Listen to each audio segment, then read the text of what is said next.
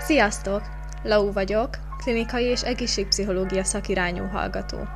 Ez itt a Bright Place, egy podcast a mentális egészségről, kapcsolatokról, önfejlesztésről és mindenről, amiről néha kényelmetlen beszélni. Ha érdekel a mentális egészség és a pszichológia világa, akkor tarts velem!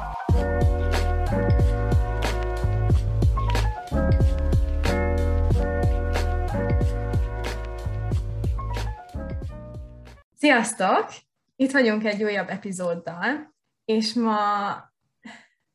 hát hogy is mondjam,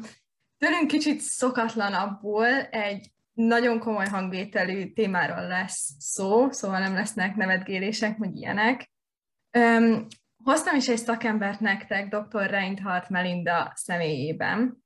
akivel az önsértésről fogunk beszélgetni. De először is megkérnélek, Melinda, hogy mutasd be magad, hogy mit tudhatnak rólad a hallgatók. Köszönöm, Laura, a meghívást, és mindenkit köszöntök én is. Igen, egy viszonylag nehéz témáról fogunk beszélni, tehát valóban nevetgélés nem lesz, nem egy könnyed hangvételű téma,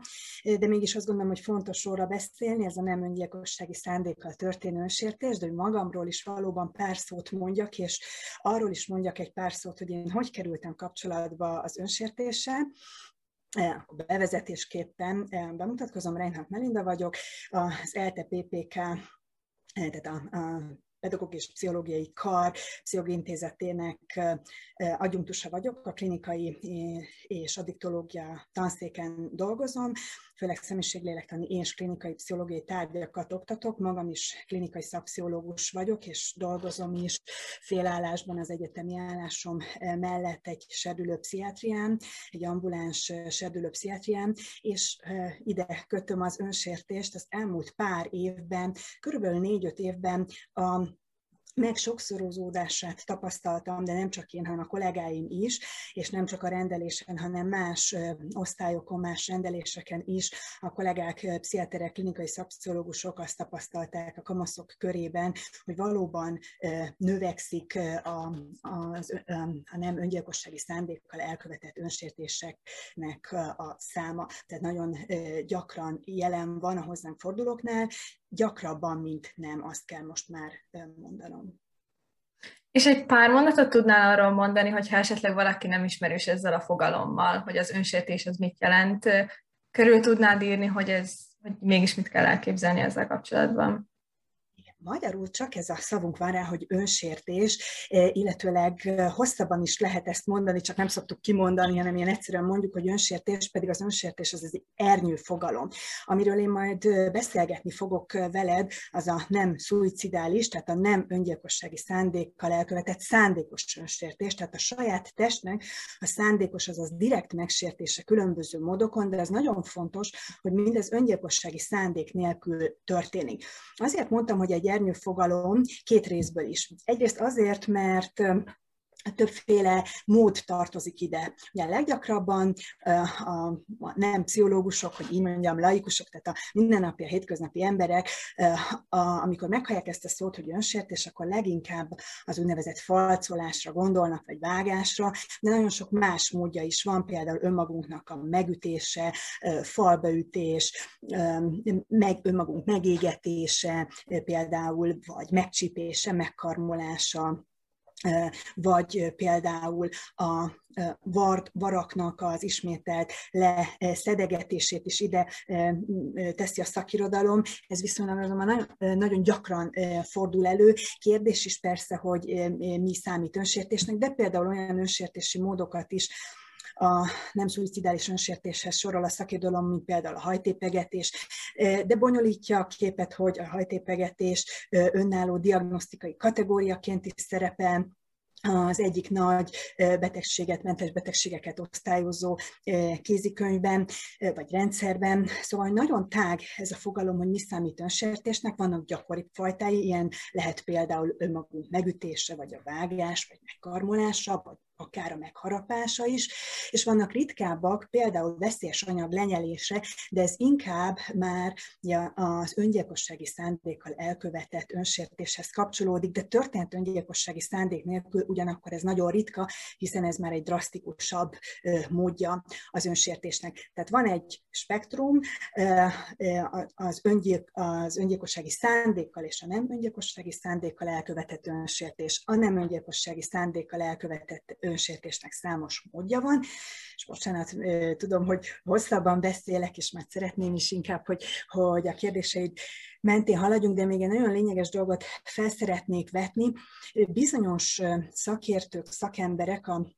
az irodalomban felvetik azt, hogy tulajdonképpen a szerhasználat és az étkezési zavarok közül például az anorexia is nem szuicidális önsértésnek számít, csak az a különbség, hogy az előbb emlegetett módoknál, tehát önmagunk megvágása, megütése, megharapása, stb. esetében a szöveti károsodás azonnali, míg az előbb említetteknél, tehát a szerhasználatnál, és mondjuk az anorexia nervózánál, tehát bizonyos étkezési zavaroknál a szöveti károsodás csak később jelenik meg. Tehát ez nagyon fontos, hogy a szöveti károsodás az együtt jár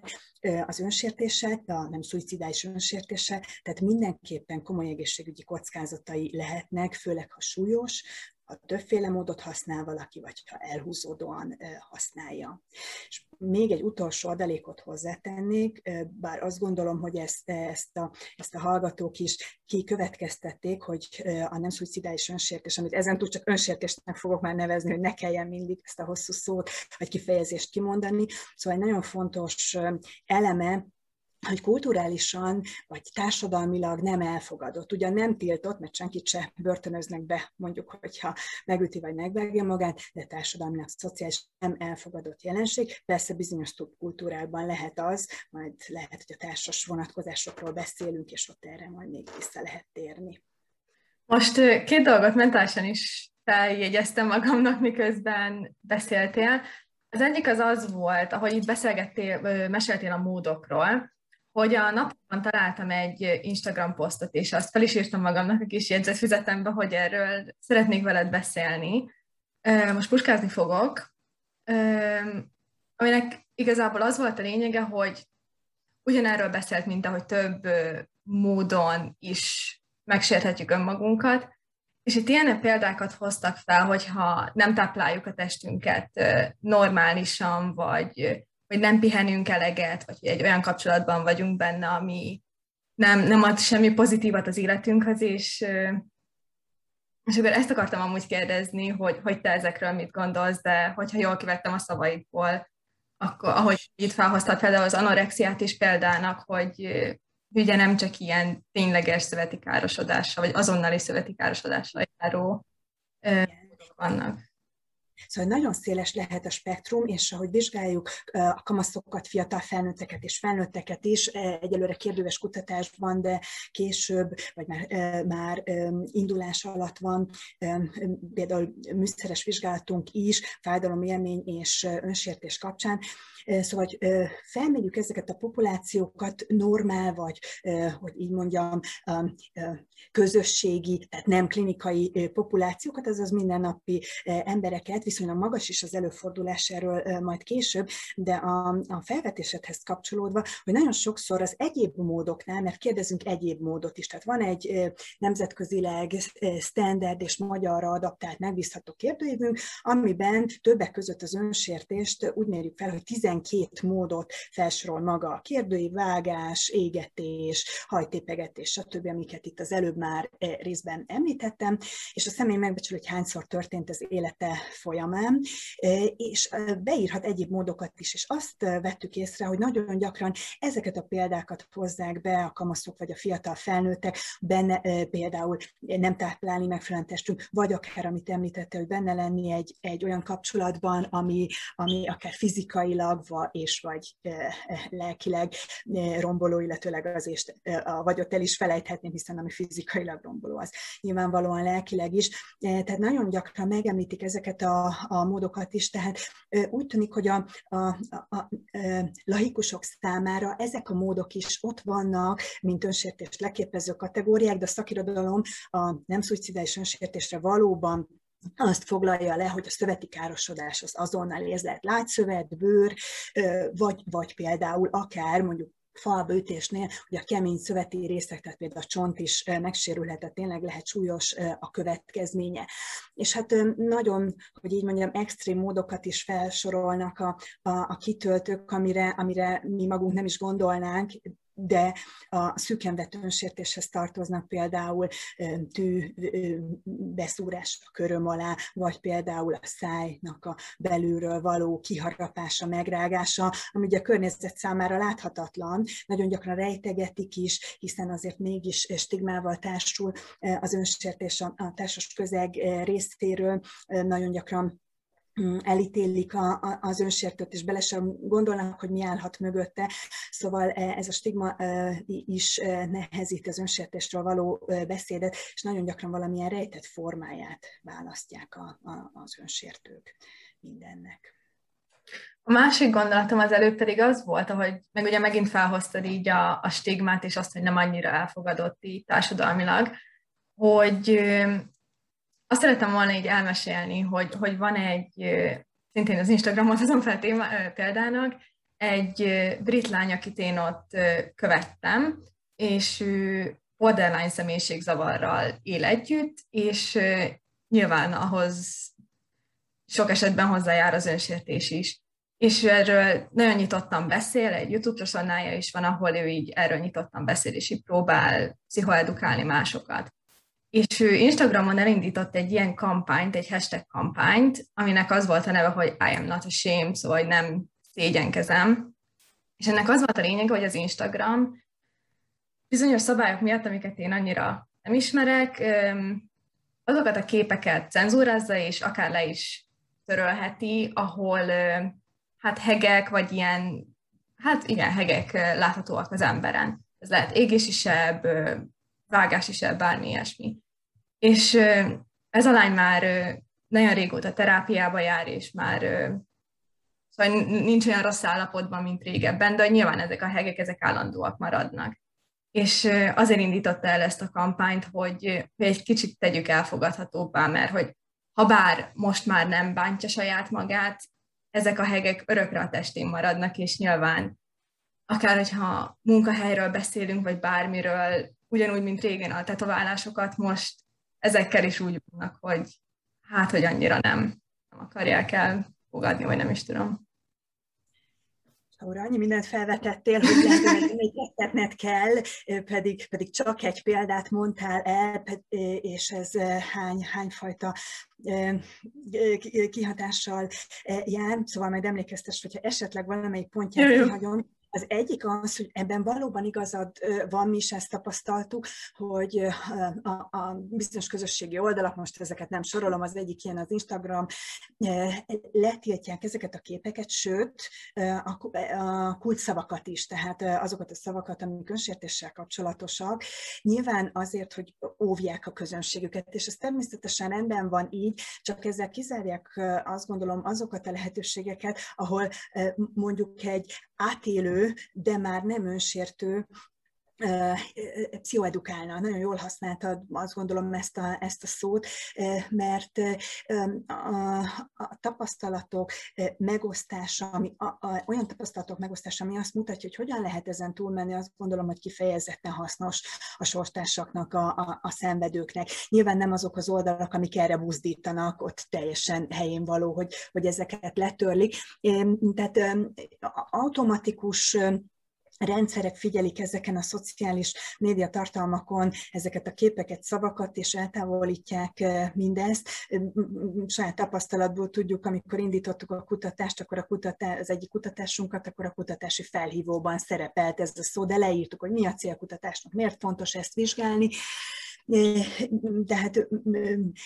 etikailag engedélyezett kutatás, stb. Szóval, hogy azt gondolom, hogy ez teljesen helyén való lett volna, de a rendszer törölte, ahogyan ennél, ennél a, a lánynál is. Még egy nagyon fontos dolgot felvetettél, hogy borderline személyiségzavarra küzd, vagy küzdött, küzd ez a, ez a bejegyzést tevő, vagy, vagy profilt vezető lány, és az nagyon fontos, hogy az önsértés, a nem szuicidális önsértés, az egy tünete a megfelelő diagnosztikai kézikönyv szerint a borderline, vagy érzelmileg instabil személyiség zavarnak. Ugyanakkor azt nagyon fontos megjegyezni, hogy a nem szuicidális önsértés tünete lehet ugyan a borderline személyiségzavarnak, és nagyon sok más mentális zavarhoz társulhat, sőt azt is mondja manapság a szakirodalom, hogy egy transdiagnosztikus jelenség, vagy transdiagnosztikus tünet, ez azt jelenti, hogy diagnózisokon átívelő tünet, tehát tulajdonképpen a mentes betegség spektrum teljes egészében jelen lehet. Jelen lehet például szkizofréniában, pszichotikus állapotokban, jelen lehet hangulatzavarban, különböző személyiségzavarokban, sőt, a mentális eh, retardációnál is, tehát tehát azt mondhatjuk, hogy valóban egy olyan jelenség, ami, ami különböző állapotokhoz társulhat, mint tünet vagy mint jelenség, de nagyon fontos az is, hogy mentális zavar, sőt, akár mentális betegség tünetek nélkül, tehát még nem is kell zavarra összeállnia, tehát mentális betegség tünetek nélkül, vagy széls betegség tünetek nélkül is jelen lehet nem szuicidális önsértés, mert amikor majd beszélni fogunk arról, hogy miért történik mindez, akkor majd visszakanyar kanyarodok ide, de az, ha beszélünk majd a kezelési módokról, az egy nagyon-nagyon fontos szempont lesz. A, akár ha mondjuk iskolai prevencióról vagy intervencióról, tehát beavatkozásról van szó, ami a, a nem szuicidális önsértésre fókuszál, ott nagyon fontos lesz az, hogy így mondjam, az iskola személyzete, a kortársak elfogadják ezt, elfogadják azt, hogy valaki ilyet csinál, és ez az elfogadás segíthet abban, hogy utána segítség felé kanalizálják, hogy ők maguk is segíteni tudjanak. Tehát az sohasem segít, hogyha tiltással, megszégyenítéssel, ugye ez a lány is ugye a, a szégyen szót használta, tehát, hogyha tiltással, vagy megszégyenítéssel, vagy tabuként való kezeléssel reagál a környezet, az, az sosem segít sem a szülők, sem a tanárok, sem a kortársak részéről. Nagyon érdekes volt, hogy voltunk egy, egy iskolába egy kis prevenciós programot tartani, és bementünk nagyobbak közé is, tehát szakközépiskolában, vagy szakiskolában 17 eh, évesek közé, és eh, jó részük már azzal számolt hogy ó, hát ők már nem sértenek, az egy korábbi időszakban eh, jelent meg, de hogy van olyan ismerősük, vagy rokonuk, akik fiatalabb, és észrevették nála,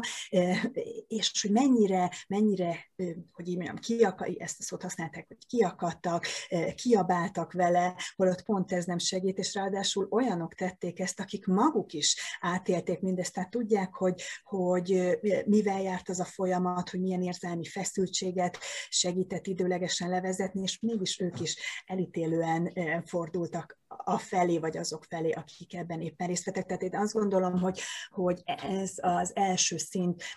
részben pszichoedukációval, hogy ezt az attitűdöt, ami a környezet részéről megszégyenítéssel, tiltással, tabuval reagál, azt, azt oldjuk. Már megemlítettél egy példát, hogy, hogy miért létezik ez a megküzdési módszer. Tudnál még néhány példát felhozni ezzel kapcsolatban? Nagyon jól használod egyébként ezt a szót, hogy megküzdési módszer, mert az, csak, csak ugye az a gond vele, hogy ez egy maladaptív megküzdési módszer, tehát nem segíti az alkalmazkodást. Tehát az önsértés alap vetően az értelem szabályozásnak egy maladaptív formája lehet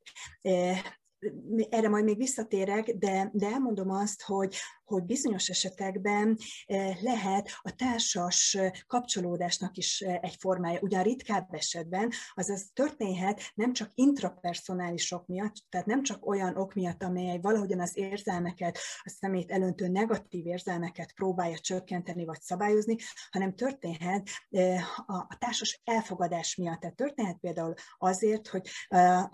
a szemét jobban elfogadja hagyják a környezetében, mert ott például,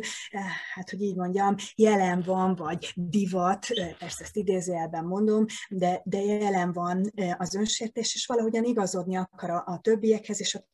bizonyos értelemben a társas norma eh, része az, hogy vagányak vagyunk, beleütünk a falba, megvágjuk magunkat, stb. Eh, eh, tehát lehet emiatt, vagy történet emiatt is, vagy valamilyen figyelmet akar a személy kiváltani a környezetéből, tehát történet interpersonálisok miatt is az önsértés, sőt a kettő nagyon sok kutatás szerint keveredhet is, tehát az intrapersonálisok, amikor érzelmszabályozás miatt, és interpersonálisok, amikor valamilyen módon a társas környezet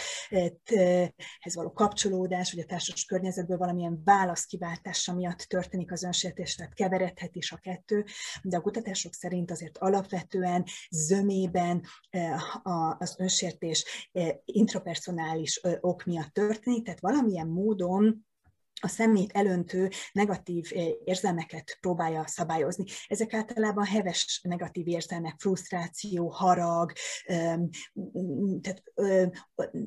olyan érzelmek, amik, amik elöntik a szemét, és valahogyan nincs más módja arra, hogy levezesse ezt a feszültséget, és impulzívan megtörténik eh, az önsértés. És az nagyon fontos, hogy miért maradhat fenn az önsértés. Hát azért maradhat fenn, vagy azért is ismétlődhet, mert ebben a körben azt tapasztalja valaki, év negatív érzéseit segít csökkenteni átmenetileg az önsértést. Tehát átmenetileg megnyugvást hoz, sőt, több vizsgálat is, még a mi vizsgálatunk is kimutatta ezt, hogy átmenetileg a pozitív érzelmek megkönnyebbülés, leginkább ez megkönnyebbülés, vagy némi boldogságérzés növekedhet, persze ez nagyon hamar csökken. Tehát az önsértés után ezek a, a, a pozitív érzelmek valóban átmenetiek és radikálisan csökkennek, de hogy a személy arra tanulhat rá implicit módon, tehát nem tudatosan, hogyha önsért, akkor csökkennek az intenzív negatív érzelmei, és némi pozitív érzelmet is átélhet, tehát újra megpróbálkozik ezzel, és ez fenntarthatja ezt a, ezt a folyamatot. Az még nagyon lényeges, hogy önsértőknél kimutatták azt, olyan önsértőknél, akik úgynevezett repetitív módon önsértők, tehát tehát több alkalommal önsértenek. Ezt a szakirodalom különböző módokon húzza meg ezt a határt, ezt, ezt van olyan, hogy öt, öt epizódként, öt önsértési epizódként határozzák meg az elmúlt, öt év, elmúlt egy évben, és azt már repetitív önsértőnek tekintik, vagy ismétlő önsértőnek, aki az elmúlt egy évben legalább ötször önsértett, más szakirodalmak tíz epizódnál húzzák meg egyébként a statisztikai elemzéseink szerint nálunk is ez a tíz epizód mutatkozott már ismételt vagy repetitív önsértőnek, a többieket úgynevezett kipróbálónak tekinthetjük. Lehet, hogy társas nyomásra hallottak erről, látták a kortársaknál, a szociális médiának azért van egy jelentős hatása erre, még akkor is, hogyha tartalmakat letörli. Szóval őket kipróbálónak tekinthetjük, akik akik rájönnek arra, hogy, hogy ez a mód nem hoz megkönnyebbülést a számukra. Tehát az önsértőknél kimutatták azt, hogy alapvetően több negatív érzelmet élnek át, reménytelenségérzést, dühöt, szomorúságot, ezt úgynevezett napló módszerrel vizsgálták, tehát amikor a vizsgálati személyeknek vagy egy naplóban kellett az érzéseiket naponta többször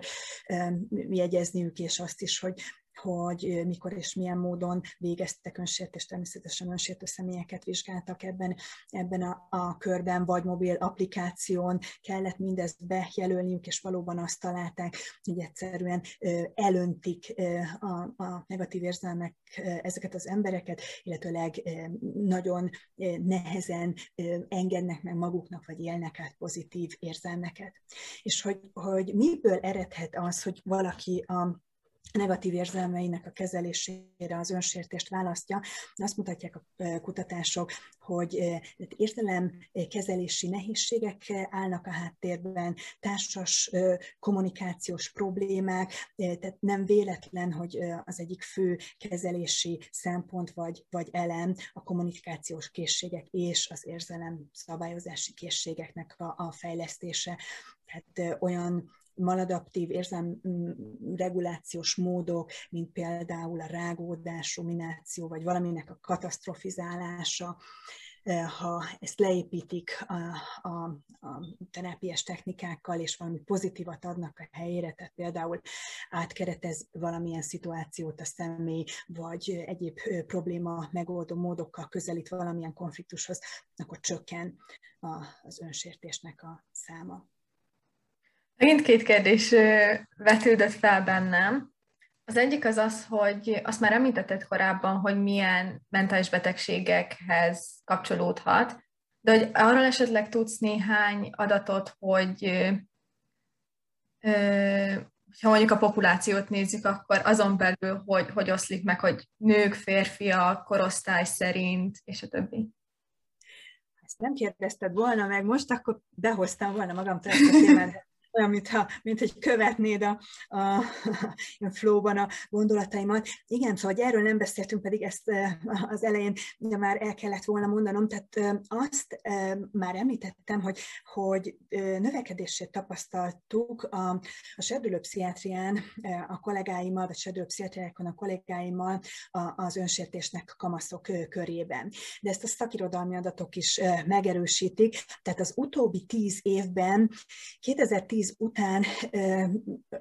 megjelenő elemzések, kutatások, vagy sőt most már metaanalízisek is, amelyek áttekintik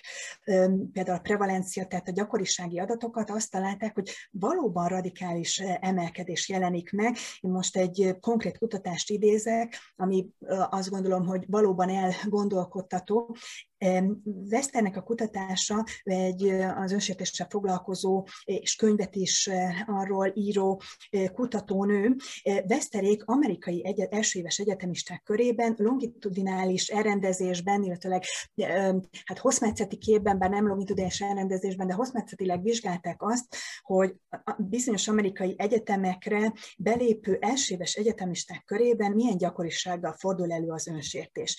2008 és 2015 között, tehát 7 év alatt vizsgálták mindezt, és míg 2008-ban 16% volt a legalább egy önsértési epizódot bevallóknak az aránya esélyes amerikai egyetemisták körében, addig 2015-ben, tehát 7 évvel később ez 40% fölé emelkedett, tehát radikális volt valóban az emelkedés, és azt, azt is, arra is rámutattak, hogy azt is kimutatták, hogy e, e, ez a szám 2008 és 2015 között fokozatosan, szintén lépcsőzetesen emelkedett, tehát nem bizonyos években kiugró más években alacsonyabb, hanem egy standard emelkedés volt tapasztalható. De ezt a hazai kutatásaink is megerősítik, most nem klinikai, tehát normál kamasz mintában középiskolások körében 1015 főt és 14 középiskolát felülelő vizsgálatunkban azt tapasztaltuk, hogy a kamaszoknak 31 százaléka, most teljesen pontos adatot nem mondok, 31, valahány 10 százaléka aktuálisan, azaz az elmúlt egy hónapban legalább egy önsértési epizódról beszámolt. Azt gondolom, hogy ez egy elég magas szám, de a nemzetközi trendbe teljesen beilleszkedik. Tehát serdülők és fiatal felnőttek körében emelkednek ezek a számok, és azok, akik egy hónapnál korábban őket tekintjük valaha önsértőknek a szakirodalom szerint, tehát egy hónapnál, egy hónapot megelőzőleg önsértettek legalább egy önsértési epizóddal, ott pedig eh, kicsit több mint 9 eh, százalék volt eh, az arány. Tehát összesen azt láthatjuk, hogy akik önsértettek az 1015 főből, az, az egy ilyen 40 százalék. Igaz az is, ugye ebben az is benne van, aki egyszer kipróbálta, tehát mondjuk egyszer beleütött a falba, vagy egyszer, nem tudom én, véresre karmolta a kezét. Szóval az azért nagyon lényeges, hogy, hogy a, a repetitív önsértők, tehát az ismétlő önsértők és a kipróbálók aránya azért más, a mintán belül is, illetőleg még egy szempontra felhívnám a figyelmet, még egy súlyossági mutatóra, és úgy tűnik, hogy ez a súlyossági mutató inkább az, ami az önsértésnek a, a hogy így mondjam, vagy az önsértéssel együtt járó egyéb pszichológiai kockázatoknak a mutatója, az a többféle önsértési mód alkalmazása. Tehát azok, klaszteranalízist is végeztünk ezen a, a mintánlátás klaszter elemzést, azaz megnéztük azt, hogy a, a nagy mintából az önsértők közül ebből a 40% ból aki az 1015 főből legalább egy önsértési epizódról az élete során beszámolt, milyen csoportok, homogén csoportok emelkednek ki, tehát az önsértők heterogén csoportot alkotnak, de azon belül lehet azonosítani hasonlóképpen önsértők, vagy hasonló módon, vagy mértékben önsértő homogén csoportokat, és négy csoportot azonosítottunk. Egyébként egy, egy nemrégi török vizsgálatnak az eredményeivel szinte teljesen megegyező kört látunk. Lehet, hogy, hogy a, a serdülők körében valóban ilyen csoportok emelkednek ki, és a legsúlyosabb magasabb mentális állapottal, azaz rossz mentális egészségmutatókkal, tehát mentális betegség tünetekkel, depresszív szorongásos tünetekkel, illetőleg nagyon magas önkritikussággal azok az önsértő serdülők bírtak, akik többféle önsértési módot és nagy mértékben használtak. Tehát ez is egy nagyon lényeges elem alapvetően a vizsgálatok azt mutatják, hogy a lányok vagy a nők nagyobb, kétszer-háromszor nagyobb vizsgálata válogatja, de kb. kétszer-háromszor nagyobb arányban önsértenek, mint a fiúk.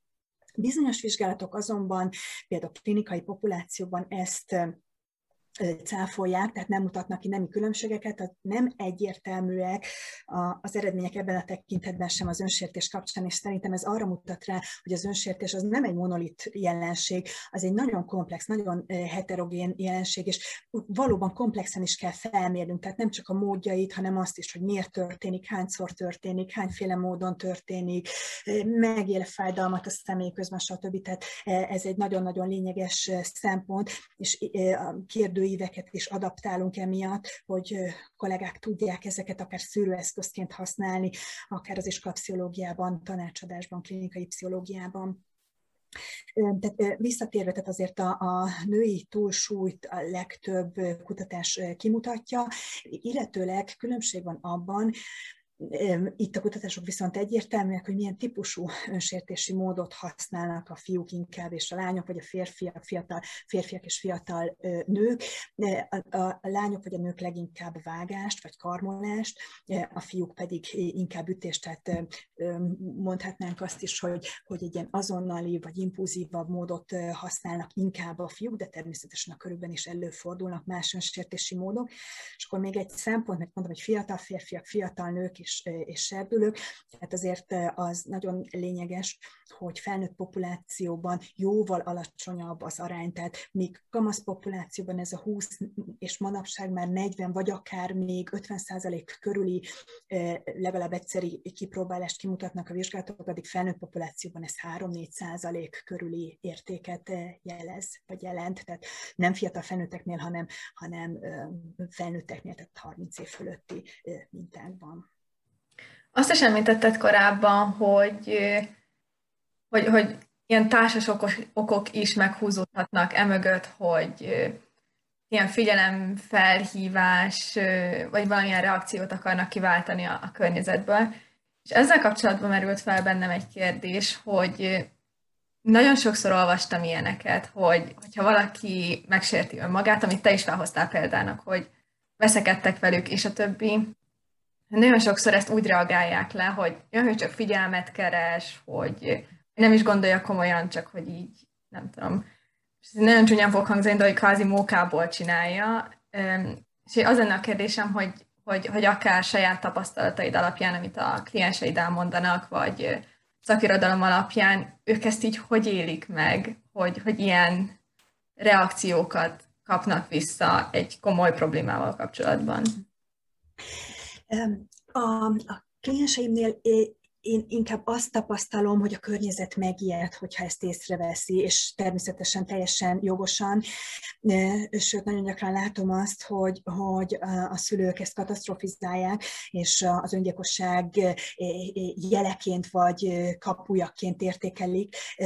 Majd beszéljünk egy picit az öngyilkosság és a, a, a nem öngyilkossági szándékkal elkövetett önsértés kapcsolatáról, mert, mert összefüggésben vannak, de azt látom, hogy a szülők rögtön ezzel hozzák összefüggésbe, holott egyébként nagyon gyakran azt mérjük fel, mondjuk a kérdő kapcsán, vagy beszélgetés kapcsán, hogy a, az önsért, nem szuicidális önsértésnek éppen, hogy lehet, sőt nagyon gyakran van is, legalábbis a klinikai populációban egy olyan funkciója, a, amit az úgynevezett tehát az öngyilkossági késztetés elkerülésért végzett önsértés. Tehát azért végez önsértést valaki, hogy addig is elnyomja az öngyilkossággal kapcsolatos gondolatait.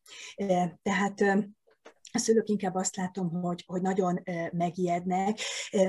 viszont a, bizonyos esetekben azt lehet látni, hogy a környezet, és most nem feltétlenül csak a szülőkre gondolok, hanem mondjuk iskolai környezet, vagy ezt a szakirodalom alapján mondom, például börtönökben, vagy javító nevelő intézetekben, magyar viszonylatban egy, egyébként tapasztaltunk, tehát azt, hogy komolyan veszik, voltunk javítóintézetekben, mind az öt Magyarországi Javítóintézetben adatot felvenni, és azt tapasztaltuk, hogy nagyon elkötelezettek, elkötelezett a személyzet annak érdekében, hogy segítsen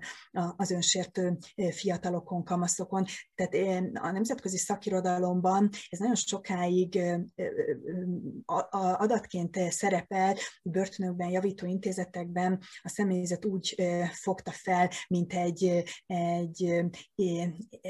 hát kibúvót például, hogy a rab, ha önsért, akkor bizonyos feladatok vagy kötelezettségek alól kivonhatja magát, kibújhat ez alól, vagy figyelmet választ magának, vagy könnyebbségeket kap ezáltal, de ezek a vizsgálatok éppen ezt cáfolták, tehát ezt a közhiedelmet, ami mondjuk a személyzet részéről jelen lehet ilyen intézetekben, tehát Persze ez az indok is megjelenhet, de jóval-jóval kisebb mértékben, mint az érzelem szabályozási, mint az intrapszichés okok. Tehát még ilyen speciális körülmények között is azt mutatják ki, hogy, hogy valóban nem viccből sértenek, és nem mókából sértenek az emberek, hanem valamilyen belső feszültség levezetése miatt, vagy például nagyon gyakori az, hogy valamilyen önbüntető tendenciaként jelenik meg. Tehát az önsértéssel a személy valahogy magát akarja megbüntetni. Nagyon magas a vizsgálatok szerint az önsértőknél az ismétlő önsértőknél az önkritikusság. Nagyon gyakran gondolkodnak negatívan önmagukról, nagyon negatív az én kép. Az, hogy ennek mi az előzmény, általában valamilyen gyermekkori bántalmazás, akár érzelmi bántalmazás, az, az más kérdés, és még beszéltünk erről, de mindenképpen lehet egy ilyen funkciója, lehet egy olyan funkció is az önsértésnek, megpróbálja a személy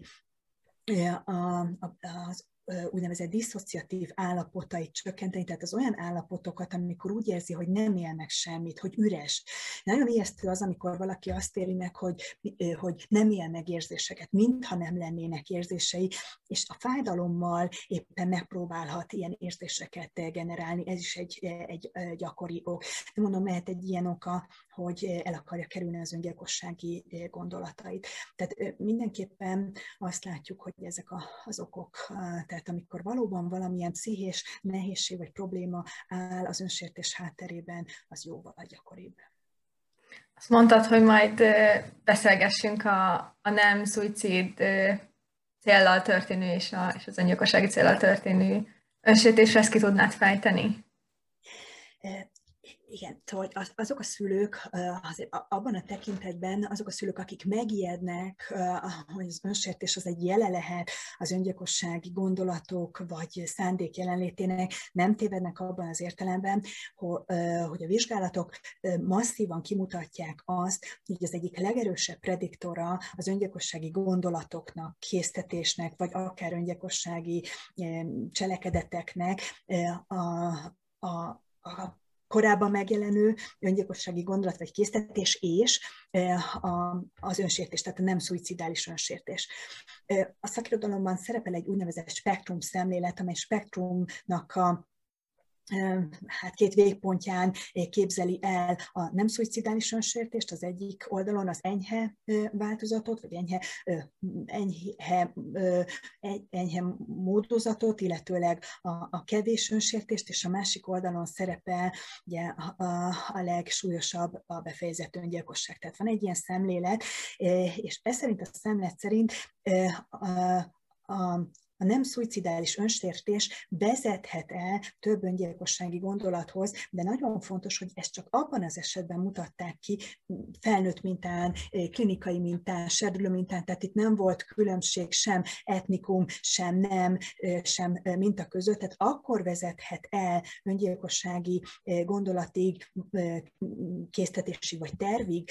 az önsértés, hogyha az súlyos és több módszerrel történik. Tehát nem olyan egyszerű a kép itt sem, hogyha valaki egyszer, nem tudom én, megüti magát, vagy belülről mondjuk meg beleharap a szájába feszültség levezetésként, az holnap már, már öngyilkossági gondolatokkal fog küzdeni. Ezért nagyon fontos ez a repetitív,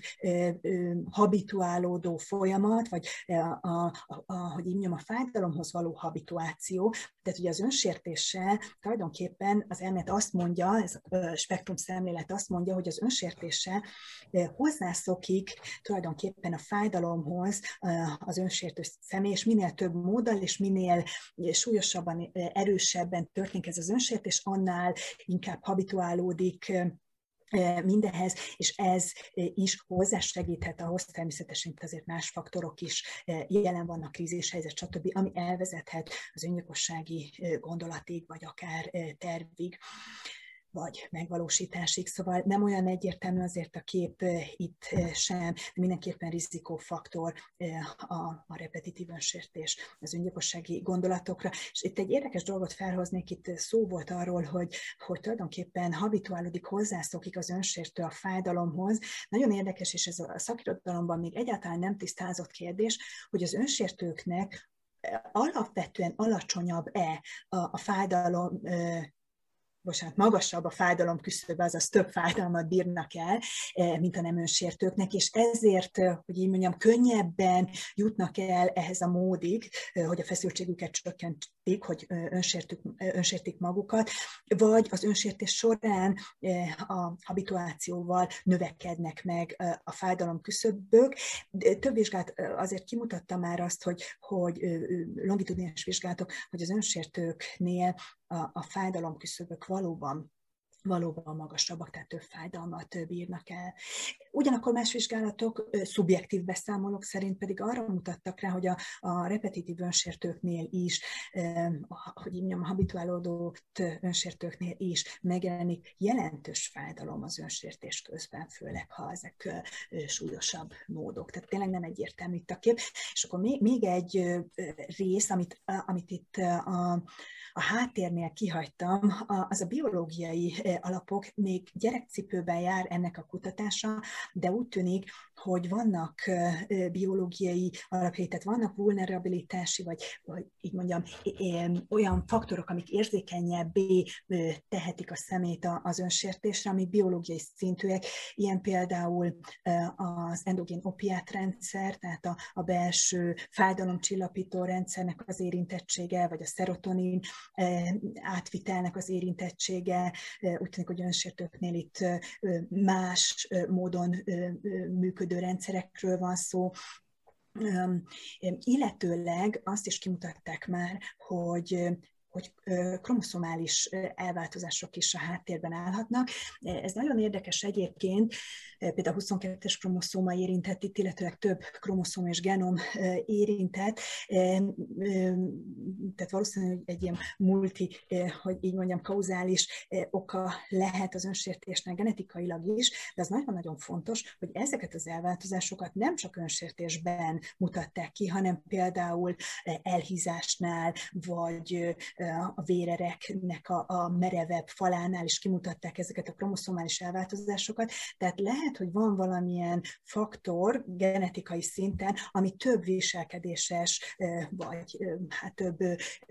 viselkedéses manifestációban, vagy több jelenségben megjelent, például elhízásban, magas vérnyomásban, önsértésben is manifestálódhat, vagy ezekben együtt akár. Tehát van, van úgy tűnik, hogy van biológiai, markáns biológiai alapja is azért a, a, az önsértésnek. És így a vége felé közeledve, hogy egy kicsit ilyen pozitívabban zárjuk le a, az interjút, tudnál arra néhány példát, vagy hát idézőjesen megoldást mondani, hogy,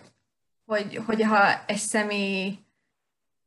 önsértéssel küzd, vagy, vagy hogy ez a, ez a módszer benne van az életében, akkor milyen megoldások vannak rá, illetve hogy a, a család, a barátai és, a, és maga a közvetlen környezete hogy tud neki segíteni ezzel kapcsolatban. Egy nagyon lényeges szempontot az utolsó szavat kapcsán megemlíteni, hogy ez a környezet szerepe volt ezt a környezetet makroszinten is lehet érteni. Tehát egyáltalán nem mindegy, és a rendszer szemlélet, tehát nagyon fontos itt behozni, egyáltalán nem mindegy, hogy például az iskolában mondjuk lehet erről beszélni. Volt egy olyan tapasztalatunk, amikor felkértünk egy iskolát arra, hogy részt vegyen az önsértés kutatáson, hogy beengedjen minket, hogy ezt felmérjük, azt mondták, hogy ők nagyon szívesen engednék, de már ezt azért nem tennék meg, mert azt tapasztalták, és ez egy vidéki iskola volt, azt azt tapasztalták, hogy nagyon sok az önsértés az iskolában. Ez, ez nyilvánvalóvá vált, valahogy eszkalálódott mindez, és az iskola segítséget kért, külső segítséget kért. Az iskola pszichológuson túl még más pszichológusokat is megkértek arra, hogy tervezzék meg, hogy hogyan lehetne beavatkozni. Tehát nagyon nem mindegy, hogy például az iskolai közösségehez hogy áll. Itt ugye rögtön, rögtön léptek, és hát mi már azért nem léptünk be, mert, mert hogy így mondjam, ott, ott már egy beavatkozás is zajlott, zajlott, rendszer szinten, az iskolai közösség szintjén, tehát ők, ők már ezzel foglalkoztak. Tehát nem, nem mindegy, hogy az iskola hogy áll ehhez. Nem mindegy az sem, hogy egy még tágabb szintet mondjak, hogy milyen elérési lehetőségei vannak a segítségnek. Tehát mondjuk kamasz ambuláns pszichiátria a környéken van-e, tehát milyen ellátottsággal bír az adott terület. A szülő, hogy most egy picit egy alsóbb szintre menjek, a közösség szintjén, a szülő például ezt hogyan kommunikálja a gyerekkel. Egyáltalán tabunak tartja, elkezd vele beszélgetni, és megpróbálja támogatni abban, hogy keressenek együtt segítséget. Tehát tehát hogy mennyire lehet nyíltan erről beszélni, vagy még egy szint, hogy a szülő ezt hogyan kommunikálja a tágabb családi közeg felé. Egyáltalán kommunikálja-e, elárulja a gyereknek a, a, a, a problémáját, holott mondjuk a, a kamasz megkérte, hogy ezt, ezt másnak nem mondja, vagy azt milyen módon mondja. Tehát itt több szinten érdemes ezt vizsgálni, tehát tényleg rendszer szemléletben érdemes vizsgálni, hogy, hogy a különböző körök hogyan állnak ehhez. Visszatérve az alaphoz, amit kérdeztél, hogy hogyan lehet segíteni, én azt gondolom, hogy illetve a szakirodalom azt gondolja, azt veti fel, hogy két alapvető út van. Nem mindegy, hogy mibe ágyazódik az önsértés. Tehát az önsértés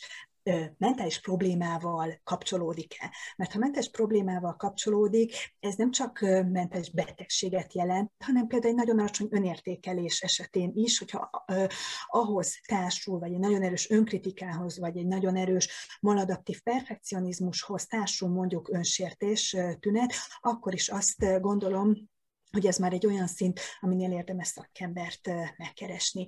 És ebben jó, hogyha, hogyha a környezet, a szülők, vagy az iskolában egy megbízható személy tud a gyermeknek segíteni, iskolapszichológus akár, vagy egy tanár, aki segít eljutni mondjuk a,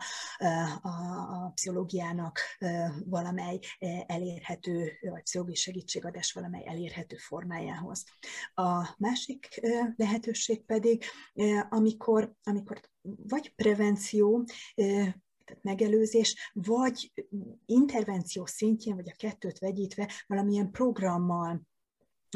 program szintjén avatkoznak be mondjuk az iskolában, hát tehát a közösség szintjén, ugye általában itt azért iskoláról van szó, hiszen kamaszoknál és fiatal felnőtteknél lehet emelkedett, vagy a tapasztalatok szerint emelkedett a, a nem szuicidális önsértésnek a, a, az előfordulása. Itt nagyon lényeges az ezeknél a programoknál. Magyarországon öngyilkosság prevenciós program már működik, ez Balázs Juditék, Balázs Judit professzor asszonyék működtetik, ez a GEM elnevezésű program, a mentális egészség, öntudatosság növelése program. Ez egy több alkalmas, nagyon jól felépített program, ami a probléma megoldó készségeket is fejleszti, tehát nem kifejezetten csak az öngyilkosság gazdasági gondolatokra, vagy az öngyilkossággal kapcsolatos jelenségek pszichoedukációjára, interaktív előadásokra, stb. épít, hanem a probléma megoldás fejlesztésére is. Ugyanakkor az önsértés kapcsán adaptált programról nem tudok. Mi egy adaptációba belekezdtünk a munkacsoportunkkal, ez egy amerikai program, az önsértés jelei program, a Science of Self-Injury elnevezésű program, ezt Barent Walsh dolgozta ki a kollégáival együtt, ő az egyik legjelentősebb önsértés kutató, vagy a szuicidiológián belül az önsértésnek is a kutatója, és nagyon fontos, hogy ez a program nem csak a diákok szintjén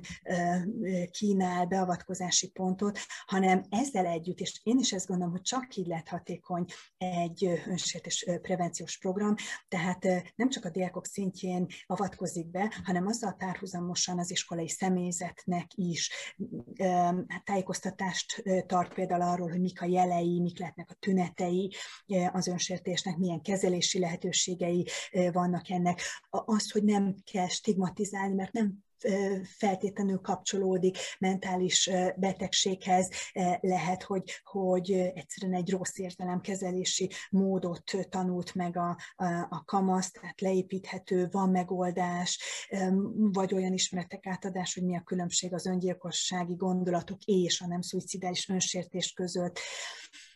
illetőleg ugyanezt a szülők szintjén is meg kell tenni, hogy valahogyan bevonjuk a, a, a szülőket a prevencióba, hogy merjenek a gyerekükkel, ha felismerték a jeleket, akkor ne söpörjék a szőnyeg alá, merjenek a gyerekükkel erről beszélni, és, és hát segítséghez jutatni. Tehát ezeket a szinteket is nagyon fontos figyelembe venni, hogy hatékony legyen az a program. A diákok szintjén pedig ez a program például dramatizálással, szerepjátékokkal segít, konkrét kis történetek vannak, amit eljátszhatnak a diákok, vagy videóanyagok vannak hozzá, és azt munkafüzet, vagy kis feladatlapok, és azt tanulják meg, hogy hogy meg kell hallgatniuk a, a másikat, a kortársukat, tehát hallgassd meg, ne ítélkezz, ez egy nagyon-nagyon nagyon fontos dolog, és az is lényeges, hogy ha valamely diák ezt észrevette másnál, vagy éppen maga küzd önsértéssel, akkor arra vezeti rá ez a program, azt erősíti meg, hogy legyen ereje felnőttő segítséget kérni, egy megbízható felnőttő segítséget kérni. Ez lehet, hogy az osztályfőnök, lehet, hogy a szülő, lehet, hogy az iskolapszichológus, tehát ez nagyon fontos, hogy, hogy a, segítséget kérjen, hiszen az önsértés gyógyítható, és nagyon fontos, hogy, hogy azokat a pszichés problémákat is, például negatív énkép, stb. Hát kezelni kell, aminek a talaján megjelenhet az önsértés. Egyébként az önsértés intervenciós programokban az például egy alap, alaptechnika, hogy adekvát érzelemregulációs, érzelemszabályozási technikákat tanítanak meg, tehát például egy probléma helyzetet hogyan kezeljenek, átkeretezés,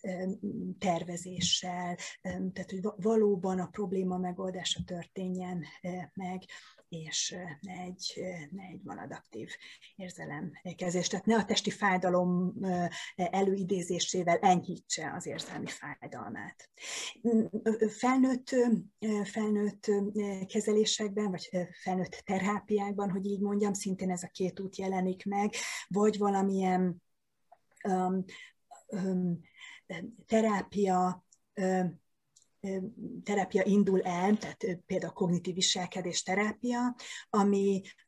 a megfelelő érzelemszabályozás és probléma megoldási módok megtanításával csökkenti a nem szuicidális önsértést, vagy akár meg is szünteti, tehát bizonyos terápiás eljárások is alkalmasak lehetnek, amik mondjuk az alapproblémát is kezelik. A másik irány, amit újonnan látok, és Amerikában erre már kézikönyvek is születtek, kifejezetten önsértés, leépítő terápiás programokat szerveznek, de itt is a kulcs az érzelem regulációnak a módosítása. Nagyon szépen köszönöm, hogy itt voltál velem, és beszélgettünk erről a, a témáról. Én is köszönöm a figyelmet, és azt remélem, hogy aki ezt meghallgatta, az, az másnak is tovább tudja azt adni, hogy, hogy ez egy valós probléma, ne stigmatizáljuk, hanem inkább segítsünk segítséget keresni az ebben érintetteknek. Hogyha ezzel kapcsolatban szeretnétek elmondani a véleményeteket, illetve hogyha bármilyen segítségre lenne szükségetek, akkor írjatok nekem az A Bright Place Podcast gmail.com e-mail címre. Valamint megtalálhattok Instagramon, Facebookon és Youtube-on is A Bright Place Podcast néven. Ha tetszett a mai epizód, akkor hálás lennék, ha értékelnétek, illetve megosztanátok egy olyan személlyel, akit érdekelhet, vagy hasznára válhat ez a téma. Köszönöm, hogy velem tartottatok, és találkozunk a következő epizódban. Sziasztok!